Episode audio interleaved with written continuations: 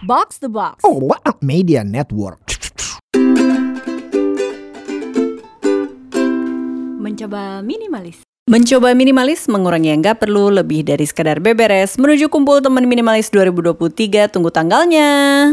Ada Puri, Avo sibuk dia, sibuk sibuk gila deh pokoknya ya. Ya namanya juga hidup ya. Q4 ini bisa jadi ada gila-gilanya ya buat lo yang sibuk ya kan Q4 tapi dapat duit eh selamat dulu dong ya kan. Yang penting dapat duit ya. Asal jangan tipes aja. Tapi siapa tahu ada juga yang ngalamin Q4 tahun ini banyak PHP-nya. Contoh ya, deck konsep, proposal udah dibikin, sampai nyubuh-nyubuh segala. Eh, tapi jodoh dealnya bukan sama kita ya. Ide dipakai, transferannya nggak ada. Ya, kalau kesel sih udah pasti ya. Cuman um, gue mau berbagi sedikit nih kalau lo ngerasa hal yang sama. Kalau lo lagi ada di fase ini, um, sepertinya buku yang lagi gue baca bisa jadi apa ya? Penyemangat lo dan juga ngasih lo alternatif Judulnya adalah The Third Door. Nama penulisnya Alex Benayan. Seperti biasa akan gue drop linknya di description episode. Jadi cerita dikit background tentang si penulis ini ya. Alex Banayan itu tuh sempat di masa kuliahnya dia, dia kuliah kedokteran di USC. Seperti biasa, kisah klasik, ada ekspektasi keluarga, kudu jadi dokter gitu. Tapi pas kuliah dia nggak suka sama jalur hidupnya dan akhirnya dia ambil cuti. Dia pengen menjawab, emang kalau sukses harus satu cara ya? Atau misalnya mengambil cara-cara yang umum gitu. Tapi kan dia nggak bisa ngebukti ini bener nggak sih sebenarnya kayak gitu gitu. Gimana gue mau pakai masa cuti ini untuk interview orang-orang sukses deh gitu. Dan akhirnya pengen gue jadiin buku. Jadi bukunya tuh bonus, tapi sebenarnya dia pengen tahu kisah uh, orang sukses nih. Itu kan formulanya apa sebenarnya. Masa interview orang-orang sukses kayak Bill Gates, uh, Warren Buffett, Lady Gaga itu karena ingin menjawab apa iya faktor kerja keras aja yang bikin orang sukses? Sekarang emang semua orang tahu Bill Gates, duitnya banyak, terkenal. Tapi yang pengen Alex tahu adalah apa yang bisa bikin Bill Gates ngejual software pertamanya ketika nggak ada yang tahu dia tuh siapa gitu ya. Uh, jadi barang udah jadi, tapi untuk meyakinkan orang lain tuh gimana gitu dan snowball efeknya gimana gitu saat orang tersebut belum terkenal. Nah, karena dia niat interview dan bikin buku, ini semua kan butuh modal ya, butuh duit. Karena dia nggak punya duit, yang Alex lakukan adalah dia ikut quiz TV. Siapa yang tahu di sini ada quiz judulnya The Price is Right. Nah, dia ikutan tuh quiz menang, menang sailboat alias perahu layar perahu layarnya dijual di Tokped. Nggak deng. Di Tokped ya nggak tapi perahu layarnya dijual bener. Dapat 30 ribu US dollar kalau nggak salah. Nah dia jadiin tuh duit untuk ngongkosin perjalanan dia lah interview orang-orang keren dan dijadiin buku gitu. Uh, menarik ya bahwa dari eksperimen yang dia eksplor sendiri juga ada gitu. Dan ini akan menambah hasil interview dia dengan orang-orang sukses. Kurang lebihnya Alex tuh bilang gini di akhir perjalanannya lah ya. Hidup, bisnis, kesuksesan itu sama kayak kalau kita mau masuk nightclub gitu. There are always three ways in. Selalu ada tiga cara untuk masuk. Cara pertama dia sebutnya first door ada gerbang utama, pintu utama di mana 99% orang itu akan mengantri berharap bisa masuk. Terus ada pintu kedua, the second door, yaitu jalur masuk VIP di mana selebriti dan billionaire gitu ya orang-orang kaya bisa masuk lewat situ. Tapi ada yang nggak pernah diomongin orang, yaitu third door atau pintu ketiga di mana lo bisa masuk dengan cara-cara tanda kutip aneh atau nggak biasa. Misal, misalnya ya lo lewat dapur gitu lo ya emang berani gila aja dan apa ngelompatin tali misalnya gitu atau lo ngetokin garasi atau pintu belakang sampai berkali-kali sampai ada orang yang mau ngebukain pokoknya entah gimana caranya itu selalu ada kok cara-cara masuk ke klub dengan cara ketiga atau kayak ngejebol jendela gitu ya. Itulah contoh yang dia omongin. Nah udah nih kan dia mau mulai perjalanannya dengan mau interview. Salah satu orang yang pengen diinterview tuh Steven Spielberg, uh, sutradaranya Jurassic Park gitu. Jadi dalam rangka ngedeketin Spielberg itu ada tiga komponen yang menurut Alex perlu dilakuin ya. Ditch the standard path. Maksudnya ya lo nggak bisa lah gitu kirim email mau bikin janji temu gitu ketika lo bukan CNN dan CNBC gitu kan. Gue siapa? Gue tuh mahasiswa lagi ambil cuti mau interview dia. Dua adalah kenal orang dalam dan tiga berharap orang dalam itu mau ngenalin dia gitu kan Jadi dia sadar, oh konsep ordal ini penting sekali ya. Dan ternyata di kampusnya dia di USC ada dekan yang kenal sama Spielberg. Nah, jadi dia ngedeketin si dekannya itu, terus eh ternyata dia mau untuk sponsorin atau ngenalin lah dengan caranya supaya uh, timnya Spielberg mau terima uh, untuk diinterview lebih lanjut gitu. Itu itu game plan satu. Nah waktu ngedeketin Bill Gates, ya Bill Gates kan udah penting banget ya, udah orang terkaya nih, salah satu yang paling kaya di dunia gitu. Chief of Staffnya bilang lo boleh interview Bill Gates kalau si project ini udah dapet momentum. Misalnya yang high profile udah lo interview siapa aja. Kalau lo masih nol, kita sorry banget nih bro, nggak bisa gitu. Nah terus dia si Alex tuh nginget kalau gue mau nge-crack model ini, gue harus lihat ada nggak orang yang bikin project mirip kayak gue yang ngumpulin orang-orang terkenal dalam satu project gitu kan. Ternyata ada, namanya tuh Elliot Bisnow. Jadi gimana sekarang PR-nya adalah ngejadiin Elliot Bisnow ini jadi mentor lah gitu. Akhirnya dia beraniin kirim email. Email kagak kenal, cold email bilangnya ya, minta petunjuk lah gitu.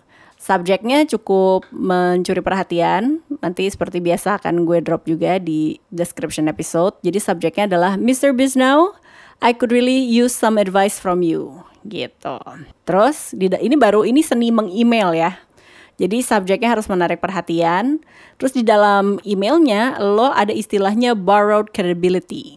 Jadi lo meyakinkan bahwa gue tuh bukan orang aneh gitu ya. I'm truly humbled humbled by the people who have already jumped on board for this mission from Microsoft President to author Tim Ferriss. Jadi dia ngasih tahu bahwa yang udah mau dukung atau mau gue interview tuh udah ada dua orang keren ini nih gitu. Terus yang terakhir ditutup dengan one specific ask. It would be unbelievably helpful to get some guidance from you on the topic of how did you effectively bring all these luminaries together behind a single vision gitu. Jadi cukup taktis, pendek, tapi dia langsung ngasih tahu tujuannya apa dan ya membawa nama-nama orang penting lah. Kalau bahasa anak sekarang tuh name drop lah gitu. Tahu nggak? Dalam sehari langsung dibales terus uh, nawarin mau ketemuan gak nih di Los Angeles? Dan pas dia nawarin ketemuan itu tuh pas dia ada ujian final si Alex tuh di kampusnya.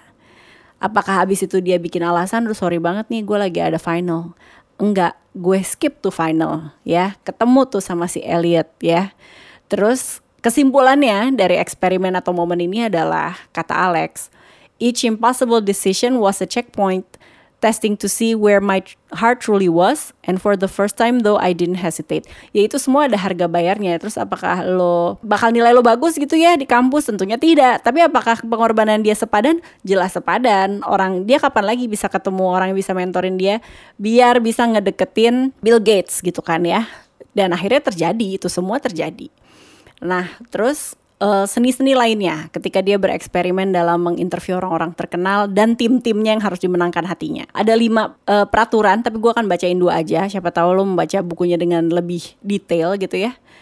Dua rules pertama adalah never use your phone in a meeting. Jadi uh, walaupun lo sebenarnya mencatat ya apa yang lagi diomongin di meeting, jangan angkat handphone lo gitu. Lo selalu bawa pulpen di saku lo Terus nomor dua, act like you belong. Kalau lo orang yang setara, lo adalah orang yang akan jabat tangan. Kalau fans akan minta foto bareng. Nah, putuskan lo mau jadi siapa di momen tersebut. Lo mau jadi fans atau lo mau jadi partner yang setara gitu. Itu baru dua dari lima. Silahkan dibaca sisanya. Terus menuju ke hidup yang mungkin berbeda dengan pilihan-pilihan hidup kebanyakan orang adalah konsep linear versus eksponensial gitu. Jadi dia bilang most people live a linear life which is okay. Misalnya gitu kan dari lulus kuliah, internship, dapat kerjaan, promosi, ya akhirnya jadi bos misalnya. Gak apa-apa. Tapi kalau lu lihat profil-profil yang gue udah wawancara katanya si Alex tuh, successful people don't buy into that model. Mereka nggak terlalu terpaku pada model linearnya dia tuh justru pakai mereka-mereka ini yang sukses pakai model eksponensial. Jadi kita selalu dipercaya atau guru kita bilang, ya lo kalau mau sukses lo pay your dues, lo harus lakukan apa yang lo perlu lakukan, X, Y, Z-nya gitu. Bisa jadi itu benar, tapi itu akan membutuhkan waktu yang sangat lama gitu. Dan lo nggak butuh permission atau lo nggak butuh apa ya restu dari siapa pun untuk lo bereksperimen atau menjadikan hidup lo itu punya kurva yang eksponensial gitu ya. Yang naiknya tuh nggak landai tapi naiknya mungkin dalam satu titik tuh bisa berkali-kali lipat.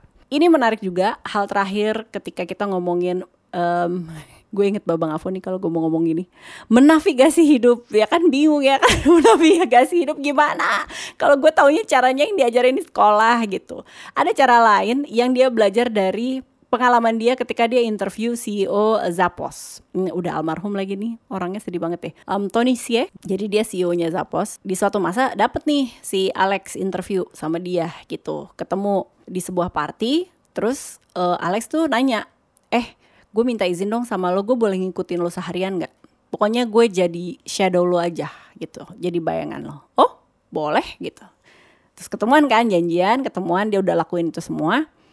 Terus si Alex nanya sama si Tony kenapa lo nggak ngasih kesempatan kepada tim lo atau employee lo untuk melakukan apa yang gue lakukan gitu. Karena dia ngerasa gila ya gue ngikutin orang keren sehari aja gue dapat banyak hal gitu.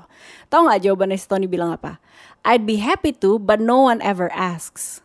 Pelajarannya adalah tanya. Kalau lo punya mau lo harus tanya. Karena kalau lo nggak nanya lo nggak akan pernah tahu jawabannya apakah iya atau tidak. Kalau akhirnya jawabannya enggak ya udah itu kan udah paling jeleknya ya. Ya kalau enggak ya udah move on aja ganti ke yang lain gitu. Cuman jangan sampai lo nggak nanya karena kalau lo nggak nanya lo kemungkinan lo nggak dapet 100% gitu. Kurang lebih gitu ya menutup si Q4 ya. Kita masih menuju Q4 tutup sih sebenarnya dua bulan lagi. Ini bentar lagi. Gue rekaman ini 31 Oktober mungkin akan tayang di November. Kita cuman punya dua bulan lagi untuk menghidupkan hidup di 2023 yang berlanjut ke nanti 2024 finish strong ya apa pun versi kita gitu dan pastilah ya suka ada capek-capeknya kayak ini apa yang udah gue lakukan tuh nggak berhasil men gitu. Nah mudah-mudahan episode ini membuat kita berpikir cara-cara lain yang non konvensional yang bisa bikin kita maju versi kita itu aja dari gue. Seperti biasa uh, nanti gue juga akan ngedrop link WhatsApp grup mencoba minimalis. Ini juga baru kita bikin. Kenapa? Karena sebenarnya niatan gue sama Afu tuh adalah ini tuh lapak bersama gitu. Terus dalam mengarungi kehidupan ya gitu. Dan mengurangi yang gak perlu apa pun itu. Plus gue percaya kalau kita ramean kita tuh punya power untuk ngundang speaker yang keren-keren. Seringkali harga speaker itu luar biasa mahal jadi harapan gue adalah kalau kita grup ini makin bertumbuh banyak orang, kita kan bisa urunan ya, bisa bagi bagi-bagi duit gitu kayak eh speaker ini harganya X juta gitu. Kalau dibagi 200 gitu kan murah gitu. Jadi ayo ikutan kita kumpul di grup WhatsApp yang mencoba minimalis. Um, terima kasih udah dengerin. Sampai ketemu di mencoba minimalis episode berikutnya. Puri out. Bye for now. Mencoba minimalis.